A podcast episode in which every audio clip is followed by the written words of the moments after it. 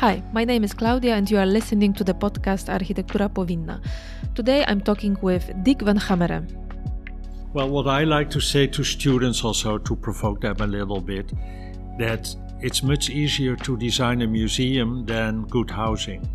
But I act, absolutely believe in that. Dick van Gameren is Dean of the Faculty of Architecture and the Built Environment at TU Delft in the Netherlands. He's a professor of architecture and dwelling. He's also an architect and partner at Mecanoo.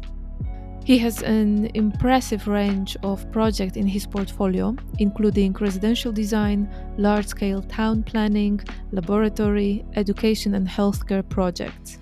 At TU Delft, he leads an international education and research that focuses on the problems of building affordable housing in rapidly expanding cities across Africa and Asia.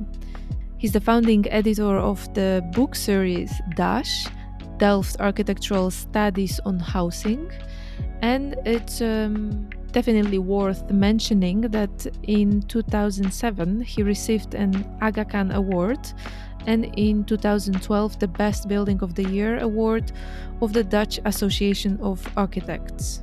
In this conversation, we take a look inside TU Delft. We discussed main goals and approach of the school, but the main architectural topic is housing design. I'm asking Dick about the current housing crisis. What are the circumstances of this shortage and what can be beneficial for it? How can we provide high quality long term housing solutions? I was very curious what is his opinion on building artificial islands, densifying the cities, or building in Dutch open land. How can we learn from the past, and what are the valuable traditional patterns in housing design that we should be conscious about? Today I'm talking to Dick van Gameren, Dean of the Faculty of Architecture and Built Environment at TU Delft, Professor of Housing Design, and architect and partner at uh, Delft based office Mecanoo.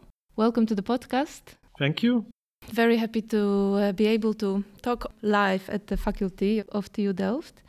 I mentioned three quite important roles of yours, of your professional career. So before starting going to the topics that I've prepared, could you explain a bit more what's your current area of focus? Is it more school, being architect partner at Mecanoo, teaching the, the housing design? What's the current area of focus?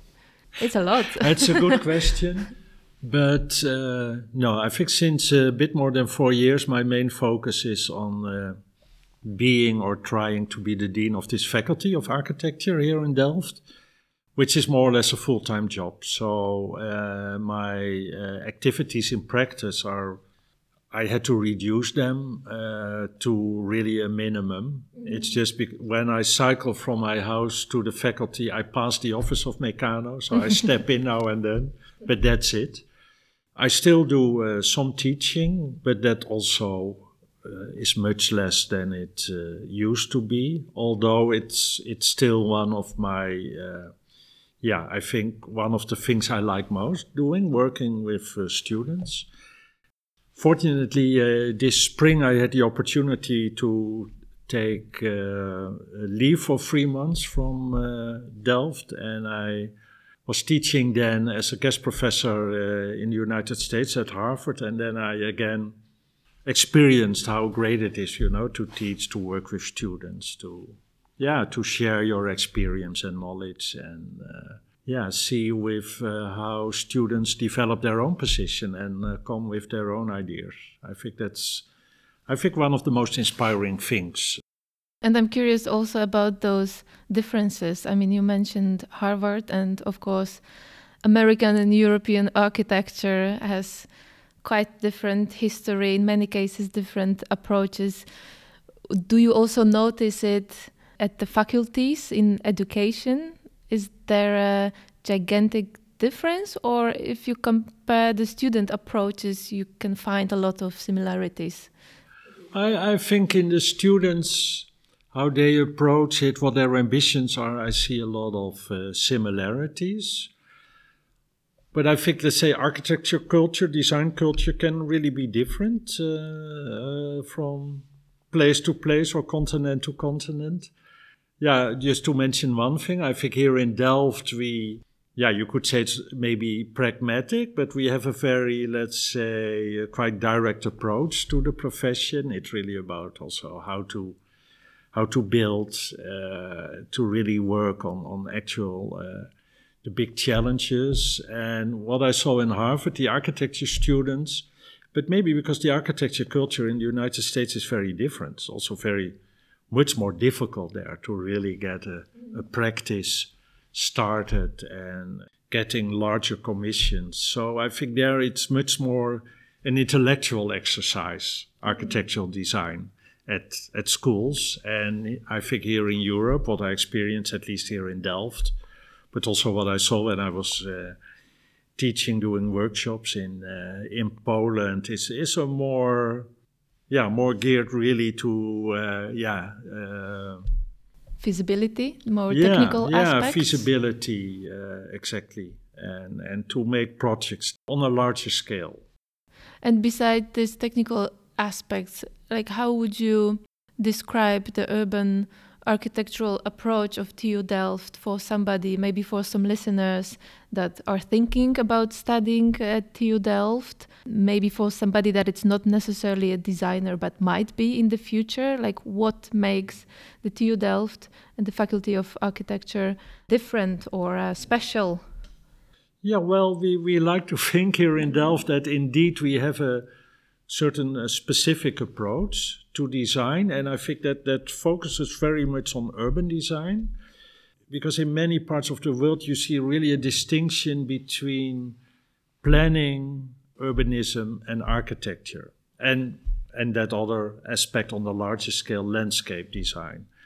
And I think what, what is quite specific for how we work in Delft or teach here at the faculty, but also how work in practice has been developed uh, over time in the Netherlands that, that it's always about bringing the different skills together. And for us, let's say planning and urbanism is, is never a kind of ab- abstract uh, enterprise, but always directly relate, related also really to urban design and to architecture, that we always bring it together. An extreme example is I've been working, uh, doing work in, in India and Africa.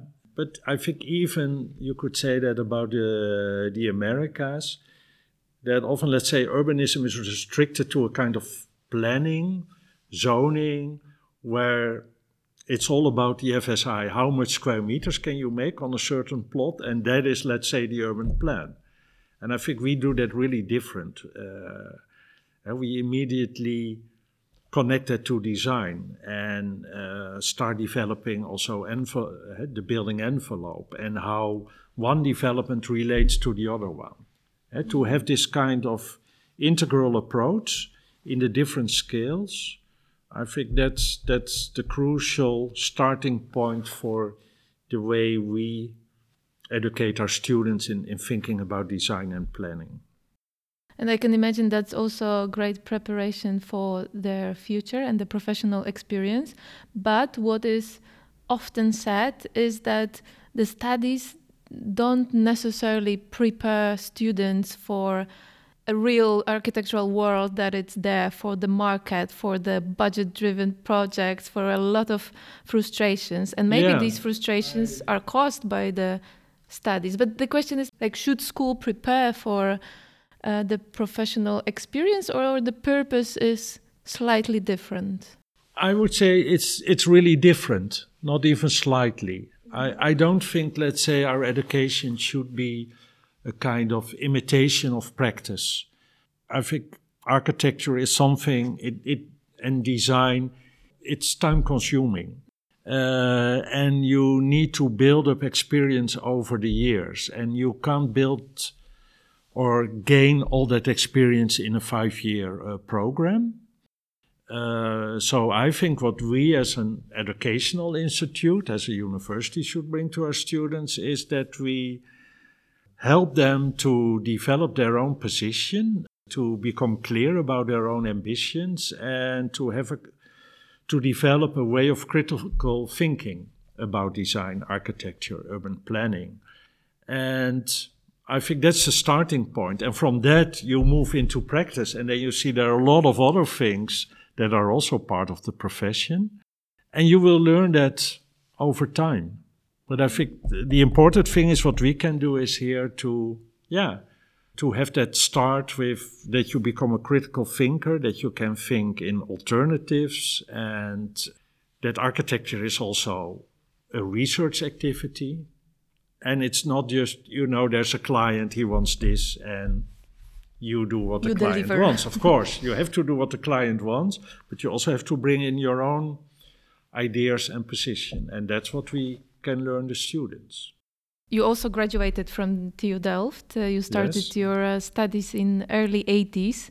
If you would have to compare the architectural atmosphere back then and today, how big of a program change is there? What would be the common ground and what would be the what are the most important changes in a school program? Is it completely different because the times changed?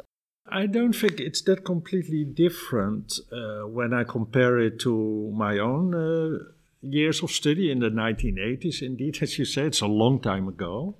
I'm getting old. But you see things changing, but also things coming back. When I was studying in the 1980s, I think that was a period that architecture had almost disappeared.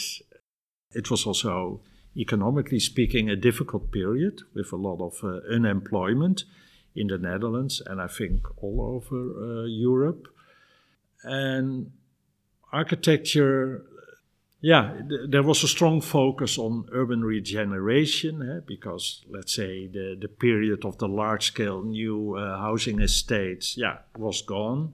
And there was a strong focus on working in existing neighborhoods, uh, in processes of participation, restructuring, rebuilding, or renovating the existing older parts of the cities that were often in a very bad state in the 70s and 80s.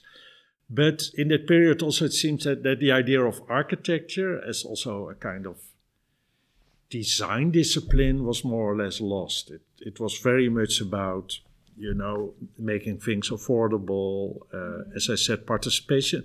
Not bad at all, and you could see in the 80s that architecture also as a design discipline with its own ideas and foundation was yeah rediscovered eh? i think that was also the start of, of uh, eh, what in the 90s was called this dutch supermodern that we were also looking back at yeah the heroic period as we called it then i don't know if we still call it heroic of the 1920s and 30s uh, when modernist architecture developed its own language. And I think designers also, well known uh, uh, practices that became really well known afterwards. Also, you know, the first projects of OMA and Rem Koolhaas, but Mecanoo, where I did an internship, you know, they brought back also this kind of aesthetic language that was lost. The freedom in design, Yeah, I think, in yeah. a way. Yeah.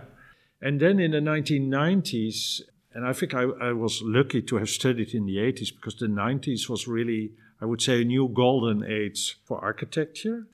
Yeah, it turned out uh, pretty nice. It was a risk to start studying architecture in the 80s because there were rather poor times. Yeah.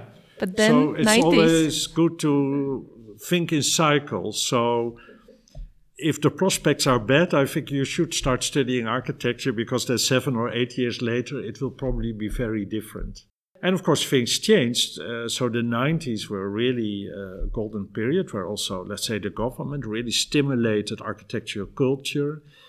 They had programs of grants, and for example, the, the project that we were able to do, we were selected for to build a, a new embassy building in, in Ethiopia. I was really part of that program to give young architects uh, chances to create projects that could showcase Dutch architecture culture abroad. That was quite amazing. It's still quite exceptional. But it also changed because in the 20 years later, this whole idea of stimulating architecture culture was gone. And then we had the credit crisis, and architects again Yeah. Uh, 2008? Yeah. Uh, around 2010, 12, uh, half of the jobs in uh, architectural offices were lost. And then we climbed back again. And now we're again at a point where we have to see what will happen in the coming years. Uh, we are talking in the Netherlands a lot about the housing shortage, housing crisis, and you've been engaged in housing design for the past 20, 25 years through your practice and uh, research and teaching at the TU Delft. You've been also involved in many projects around the world, basically, not only Netherlands, you've built a lot of projects in England. So, based on that international experience, and adding a quote from your book that Dutch housing uh, has quite a good reputation worldwide, especially in the last 100 years, thanks to architects as Hendrik Berlage, Michel de Klerk, uh, Gerrit Rietveld, Jaap Bakema, but also due to politicians, housing corporations that understood the importance of good and affordable housing. That was the last 100 years. But how would you refer this good reputation to the current housing uh, crisis? Yeah, I think regrettably, sadly, uh, it has changed because also the Netherlands didn't escape the neoliberal, let's say, uh, wind or storm that came from the West, from England, from the United States, and uh, let's say went over the uh, the world as a whole. So the position of housing corporations has been uh, greatly diminished here in the Netherlands. Commercial developers became the dominant uh, force in uh, housing construction, and I think that that didn't help. Let's say to yeah, to keep up that tradition of uh, good and especially affordable uh, housing design. It's quite amazing. I think there are few places in the world where you can see that, that in Amsterdam, till 20 years ago, half of the housing stock was social housing. Now it's still like 40%, so it's a bit lost, but there's still a lot of social housing. Yes, but to get them, the waiting list, they say in Amsterdam is 18 yeah. years. Yeah, that, that's another discussion, uh, of course, and that, that's, that's a very political thing as well. Yeah, that's uh, true. If you would say that people who really, let's say, in the end have now an income that is far above the cap that is used for social housing, they should move out. But that doesn't happen. Of course, why would you move out of an affordable house in Amsterdam while if you have to go to the market, it's extremely expensive? So, of course, there, there are big problems uh, connected to that. But still, eh, it's a very large percentage of the housing stock is affordable. Yeah. But it's simply not available to newcomers. That's the issue. But is it more of a like social, political, or architectural issue then? I think it's a political issue. What you can certainly see also in the last uh, 20 years, of course, there's still also so, some social housing being built, especially now because it's also a political thing that in cities like Amsterdam, 40% of new housing developments have to be social housing. And as a designer, I've always experienced that there's no difference between designing, almost no difference between designing uh, social housing or housing for the commercial market. A nice example is the uh, a project I worked on for quite a few years during a development, of Funenpark in Amsterdam, which is considered quite a successful project, which really mixes all different categories from social housing to really expensive uh, townhouses, small. There are small apartments in the project. It's a master plan of Frits van Dongen and, and very substantial uh, townhouses, as I said. I designed there the, the social housing uh, buildings. And then during the the development, the developer decided to put the projects I designed the social housing on the to put them up for sale. Mm-hmm. And then he selected some other projects that were designed as uh, commercial market uh, housing to sell them to the housing corporation uh, to put them on the rental social housing market. But we didn't change anything in the design. So you mean that the flexible design yeah, there's not off? really a difference in the standard, both Mm-hmm. in terms of, let's say, uh, quantitative and, and qualitative. I think we lost that a bit now because now the you know the market has developed in such a crazy way in a city like Amsterdam that uh, yeah the value of the the market value of houses is so enormous that uh, has risen so much that uh, now yeah you see several things that uh, housing that units have become very small. It's also quite ironic because in the 90s we were demolishing a lot of post-war housing because we thought it was too small and not up to today's standards anymore. And now what we are building on average is smaller than the units we were demolishing in the 90s. Yeah, exactly. I wanted to mention that the housing shortage is not a new problem, not a new crisis. I, I always say it's not a crisis. It's always there. There's always a shortage, especially a shortage of affordable housing. But it has become more extreme. It's the same in London or other large cities here in Europe, but everywhere. I experienced that in the United States, uh, but also in big cities in India, in a place like Mumbai. It's everywhere. It's, it's the same uh, issue. if you would have to name it, what might be the, the city tools, uh, municipal tools, and the architectural tools that can be beneficial for uh, this shortage? That's, of course, a very good question because if we knew the answer, maybe we would now be really addressing or even solving the issue, which we are not.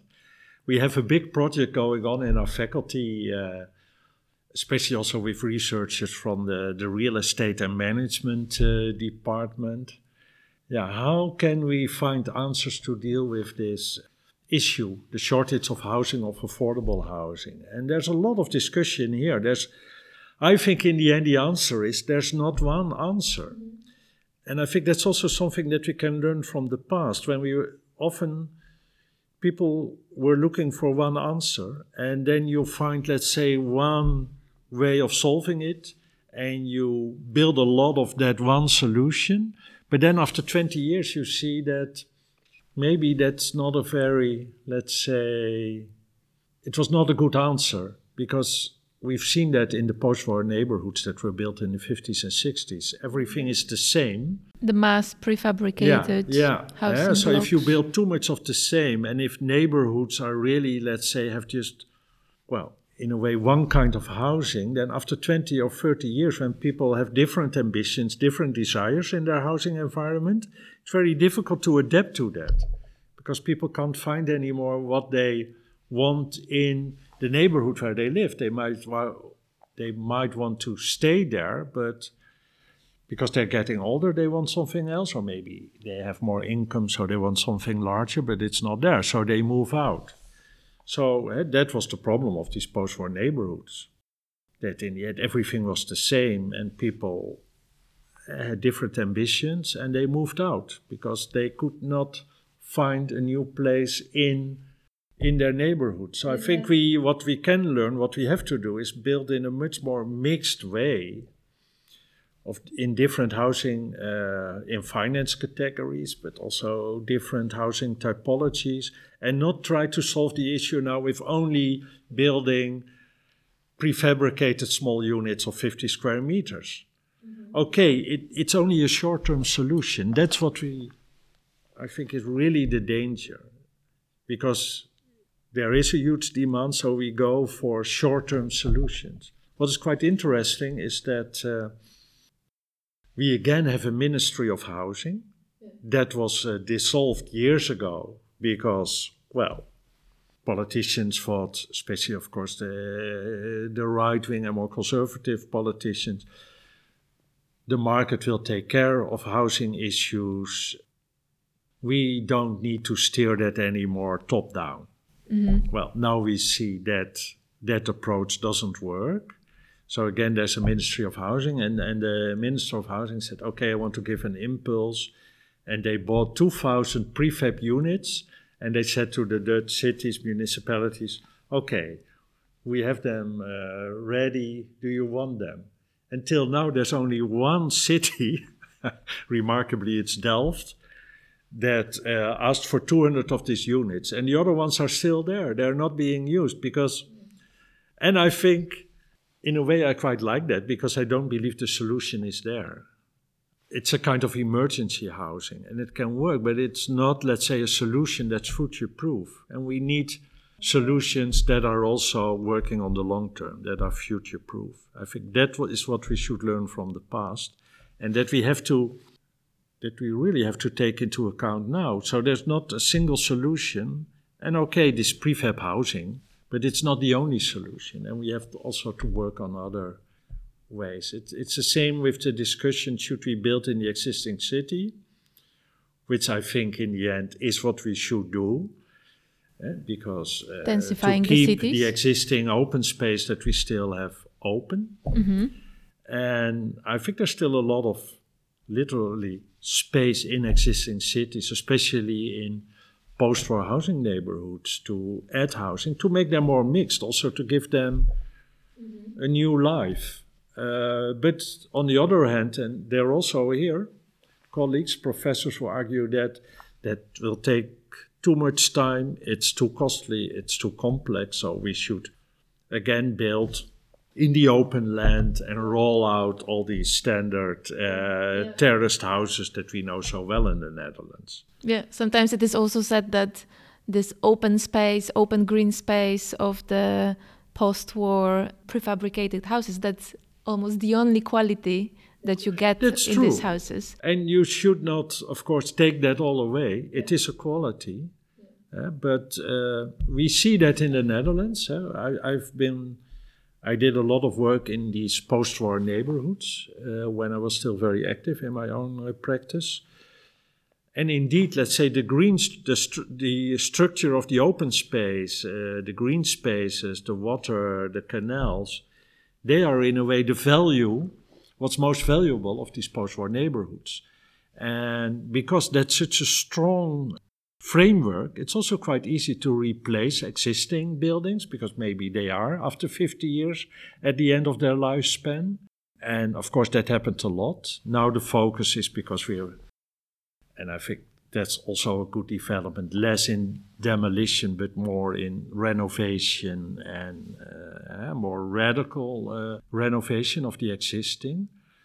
But I think that can go hand in hand with a certain uh, densification of these areas without destroying that main green uh, structure.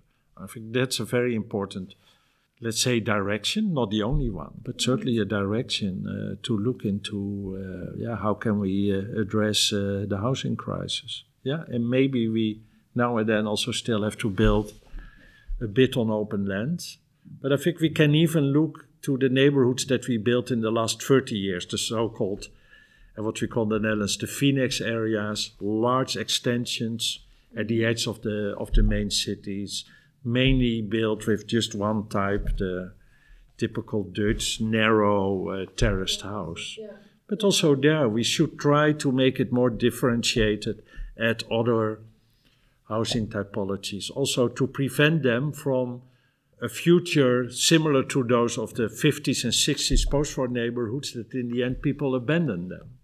No, that is uh, interesting uh, what you are saying in terms of uh, that it's not such a black and white problem and there is no such a straightforward one solution, especially when we are talking about long term, future proof a solution for the cities, that it really depends. And um, I guess the densification in many cities makes sense, especially if we compare the density of Dutch cities in comparison with even London or some not mentioning Asian uh, cities, yeah, of course. Yeah.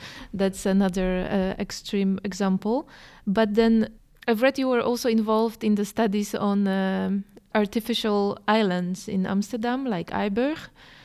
Is the creating new land and interesting a right direction, a good solution?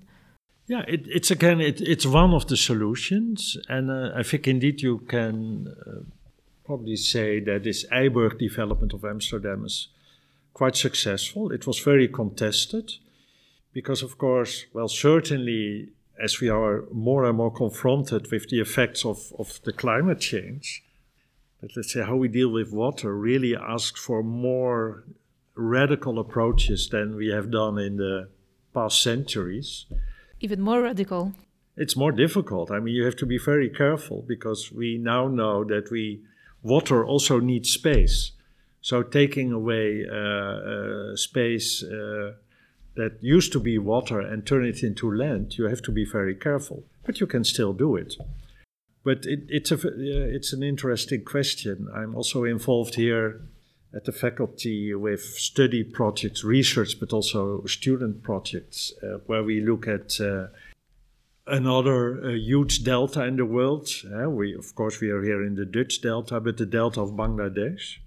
And there you can also see that there's a lot of, because it's also an exploding, urbanizing country, much denser even than the Netherlands, although we always think we are the most densely populated country in the world. That's not true.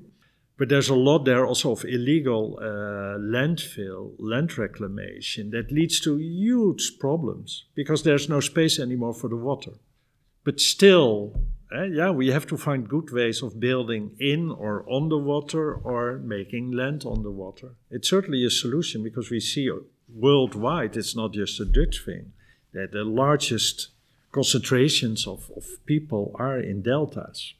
But I'm curious how you place it in the discussion of the biodiversity and uh, climate changes and so on. Like the artificial land is a huge degradation of the biodiversity in many cases. We say that the new island is to have the most sustainable ecological new houses and we're to design it in the, with the latest assumptions but to create the land itself, that's already a big um, ecological impact. Yeah, and that's why uh, I say you, you have to be careful. You have to really think what will be the effects of creating a new land.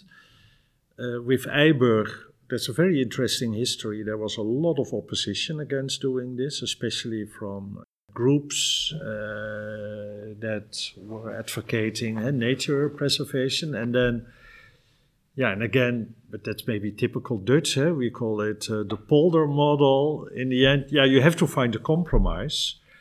And it was found by promoting, let's say, biodiversity in other parts of the country. Uh, so you could say, okay, there's no place for certain uh, birds and other animals anymore in the water, but then you can make other parts that are still water more attractive for them by making them more shallow or adding other. I think we have, uh, of course, uh, a very strong tradition in the Netherlands, and we're famous for that, that we create our own land. We also create our own nature. Nature in the Netherlands is, is man made. So you can compensate, turn water into land, you can find ways to compensate uh, the natural values uh, somewhere else it's always contested. Uh, what was uh, in the news last week is that uh, in uh, along the Dutch coast, they want to uh, kill, let's use that word, uh, 14,000 trees in a certain area. And there's a lot of opposition against that. Why is that initiative taken by the, the state organization that takes care of the dunes? They say because the trees are not natural. They were planted in the 19th century to prevent the sand from being blown away uh, into agricultural land. Mm-hmm. So all these uh, evergreen trees, they are not natural here in the Netherlands. They don't belong here.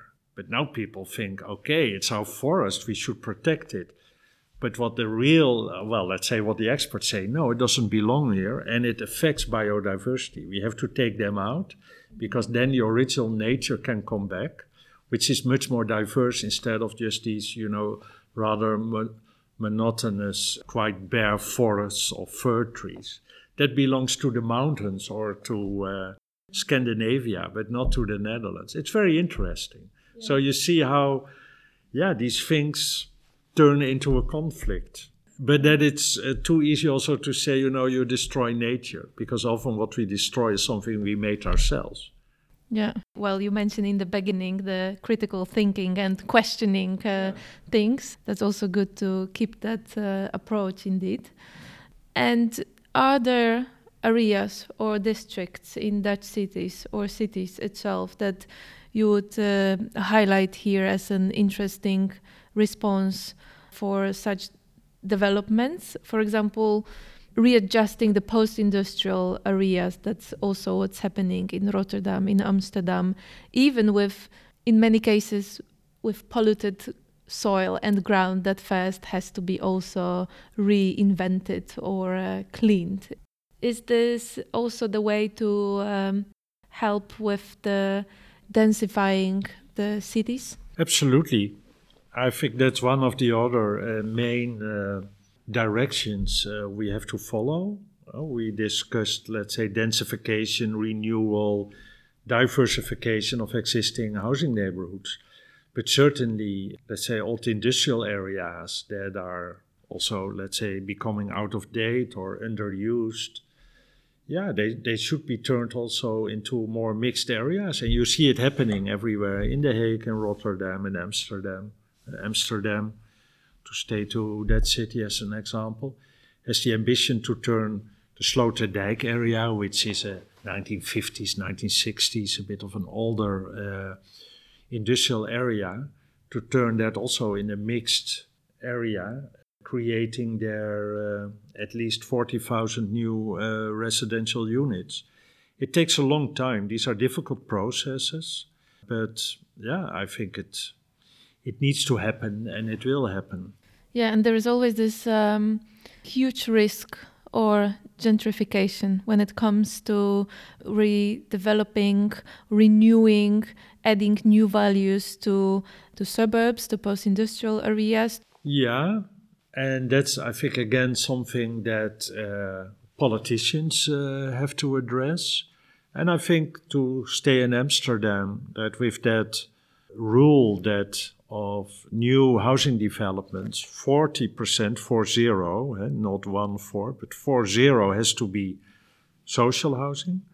The next 40% has to be, yeah, what they call mid category. It's still relatively expensive, but there are a lot of restrictions. And then only 20% is left completely free, which is I think also quite amazing, but uh, I think that will definitely help to, uh, yeah, to address this issue of, of or possible danger of gentrification, because we indeed should uh, avoid that. What is important then is that you don't say, okay, we put all the social housing in one neighborhood and all the more expensive housing in the other. I think the idea of mixing is crucial. I mentioned the example of the Funenpark project, which is also a brownfield development, an old industrial area very close to the historic center of Amsterdam. By really mixing on a small scale, you can prevent gentrification. And I think that's absolutely crucial that we do that.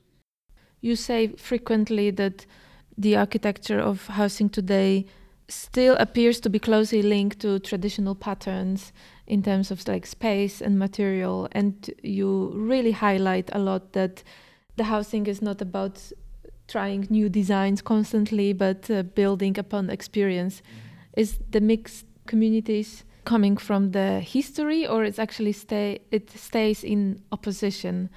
Yeah, you can see certainly if you look worldwide i think fortunately in the netherlands we still have a kind of tradition of mixing Although you could say huh, that the post war neighborhoods that were like 90% uh, social housing, created by that, let's say, monoculture of social housing uh, problems after mm-hmm. 20, 30, 40 years. And that areas, older areas of the city where it's more mixed, uh, are much more, let's say, successful uh, over time. And of course, we have many examples uh, where there's really a strong distinction, uh, where you see a certain ghettoization of cities, uh, that you get poor enclaves and rich enclaves that don't connect.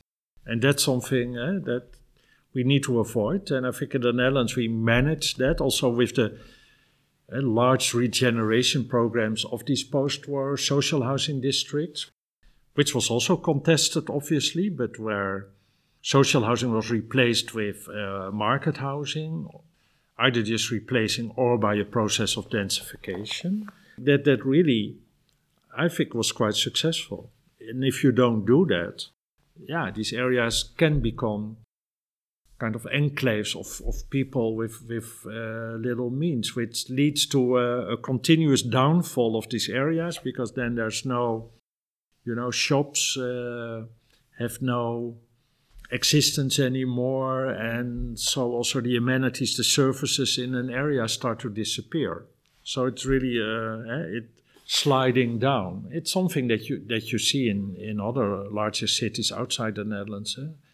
and it was also really a political decision to create that more differentiation in housing categories in these post-war neighborhoods to prevent things happening what was happening already in the 90s, in, uh, for example, in the outskirts of uh, Paris, the banlieue. Mm-hmm. Mm-hmm. Looking at the current housing projects that we developed and we built in the Netherlands, how do you judge the current condition of the housing design? Does the design reflect the times that we are living in? And if yes, then what, what does it say about current times? Well, there are several things to say about it. I, I think we are in a period of transition. I think I expect that housing design will really change in a more uh, drastic way in the coming period because also all new rules that are uh, being implemented about being energy neutral. A housing project has to harvest its own energy. That really means something uh, for the design of a project but we're still not there. We still don't really know yet how to do it. The material that can be applied will change. Eh? We are already talking about concrete shame. Eh? We know that concrete is one of the big polluters when uh, being uh, produced. Uh, it contributes a lot to CO2 production. So the focus is very much on wood. Amsterdam signed a contract with developers that within four years, and I think they're now halfway, uh, like 20% of building uh, production has to be in wood. I'm not sure if it's going to happen, but it shows that things are really changing. Uh, and I think also designing with wood, housing, designing housing in wood structures, yeah, has its new restrictions, but also new possibilities. I think now it's still being designed as if it's concrete. We have to make that shift in a different way of designing. So there are a lot of, let's say, uh, impulses, necessities that I think will really change the way we design housing, but we're not there yet. That's up to the new the generation. ambition is there. yeah, yeah. But uh, feasibility yeah. still, it's uh, usually And what an you exception. see now is uh, eh, that again, there's yeah this danger of that that we now address the housing crisis with uh, too much of the same prefabricated small units. With only that, you can't build a city. So, uh, yeah, we need to look for other solutions as well. You mean that there is a risk to repeat the mistake we already yeah. made in the past? Then we, we build now housing that in 30 years we think, what's the future of it? Mm-hmm. I wanted to go back to the traditional patterns that you frequently mention about the space and the material where shall we look for those links and patterns? Is it more in the, let's say, Dutch way of housing design, if there is one, but frequently we mention that it's the sort of cluster way of uh, placing the blocks? Is it the link to traditional patterns in some typology uh, of the apartments, of the houses? Is it in uh, materialization? Is it in yeah how it functions? Where shall we search for these links?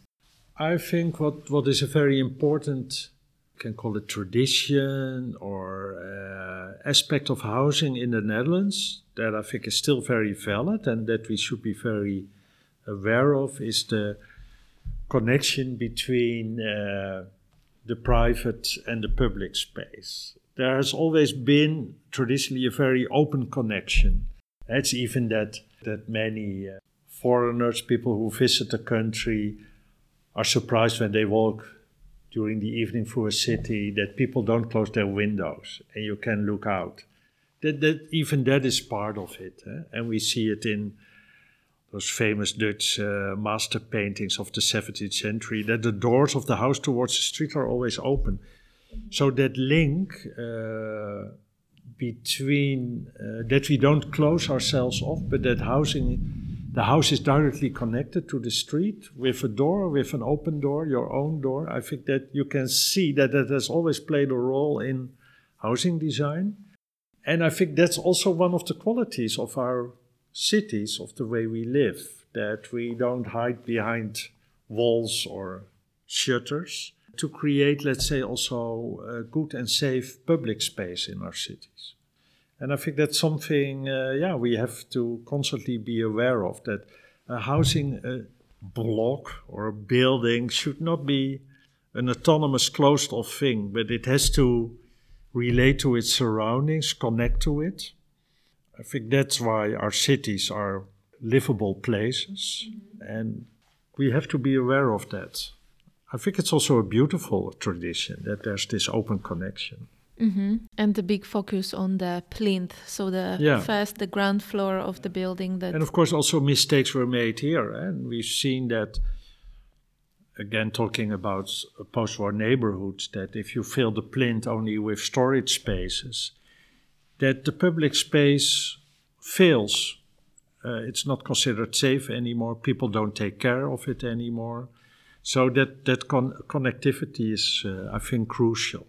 And we can learn that from very old examples and recent examples.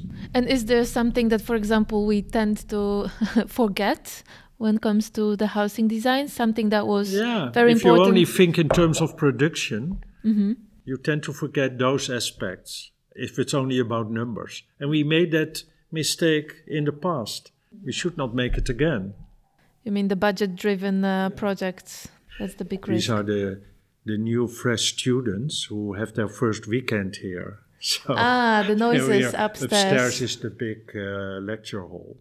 Okay, so it, the the school is not no empty, no it uh, starts now. So the they have a weekend now uh, organized by the study uh, association, and next week is the official introduction week of the university. It's uh, very good to mention that all this uh, all the housing uh, design topics are gathered in DASH magazines, the Delft Architectural Studies on Housing. This is the series devoted to uh, residential design. And um, residential design, I have to admit that usually during the stu- studies time, I also remember that, that it's not usually the most thrilling project to design for students.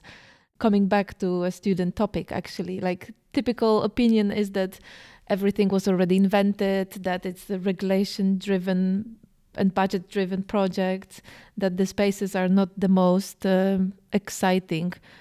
If you would uh, like to encourage the listeners, the students, the or future students, like why actually the housing design might be very exciting area to explore and to develop.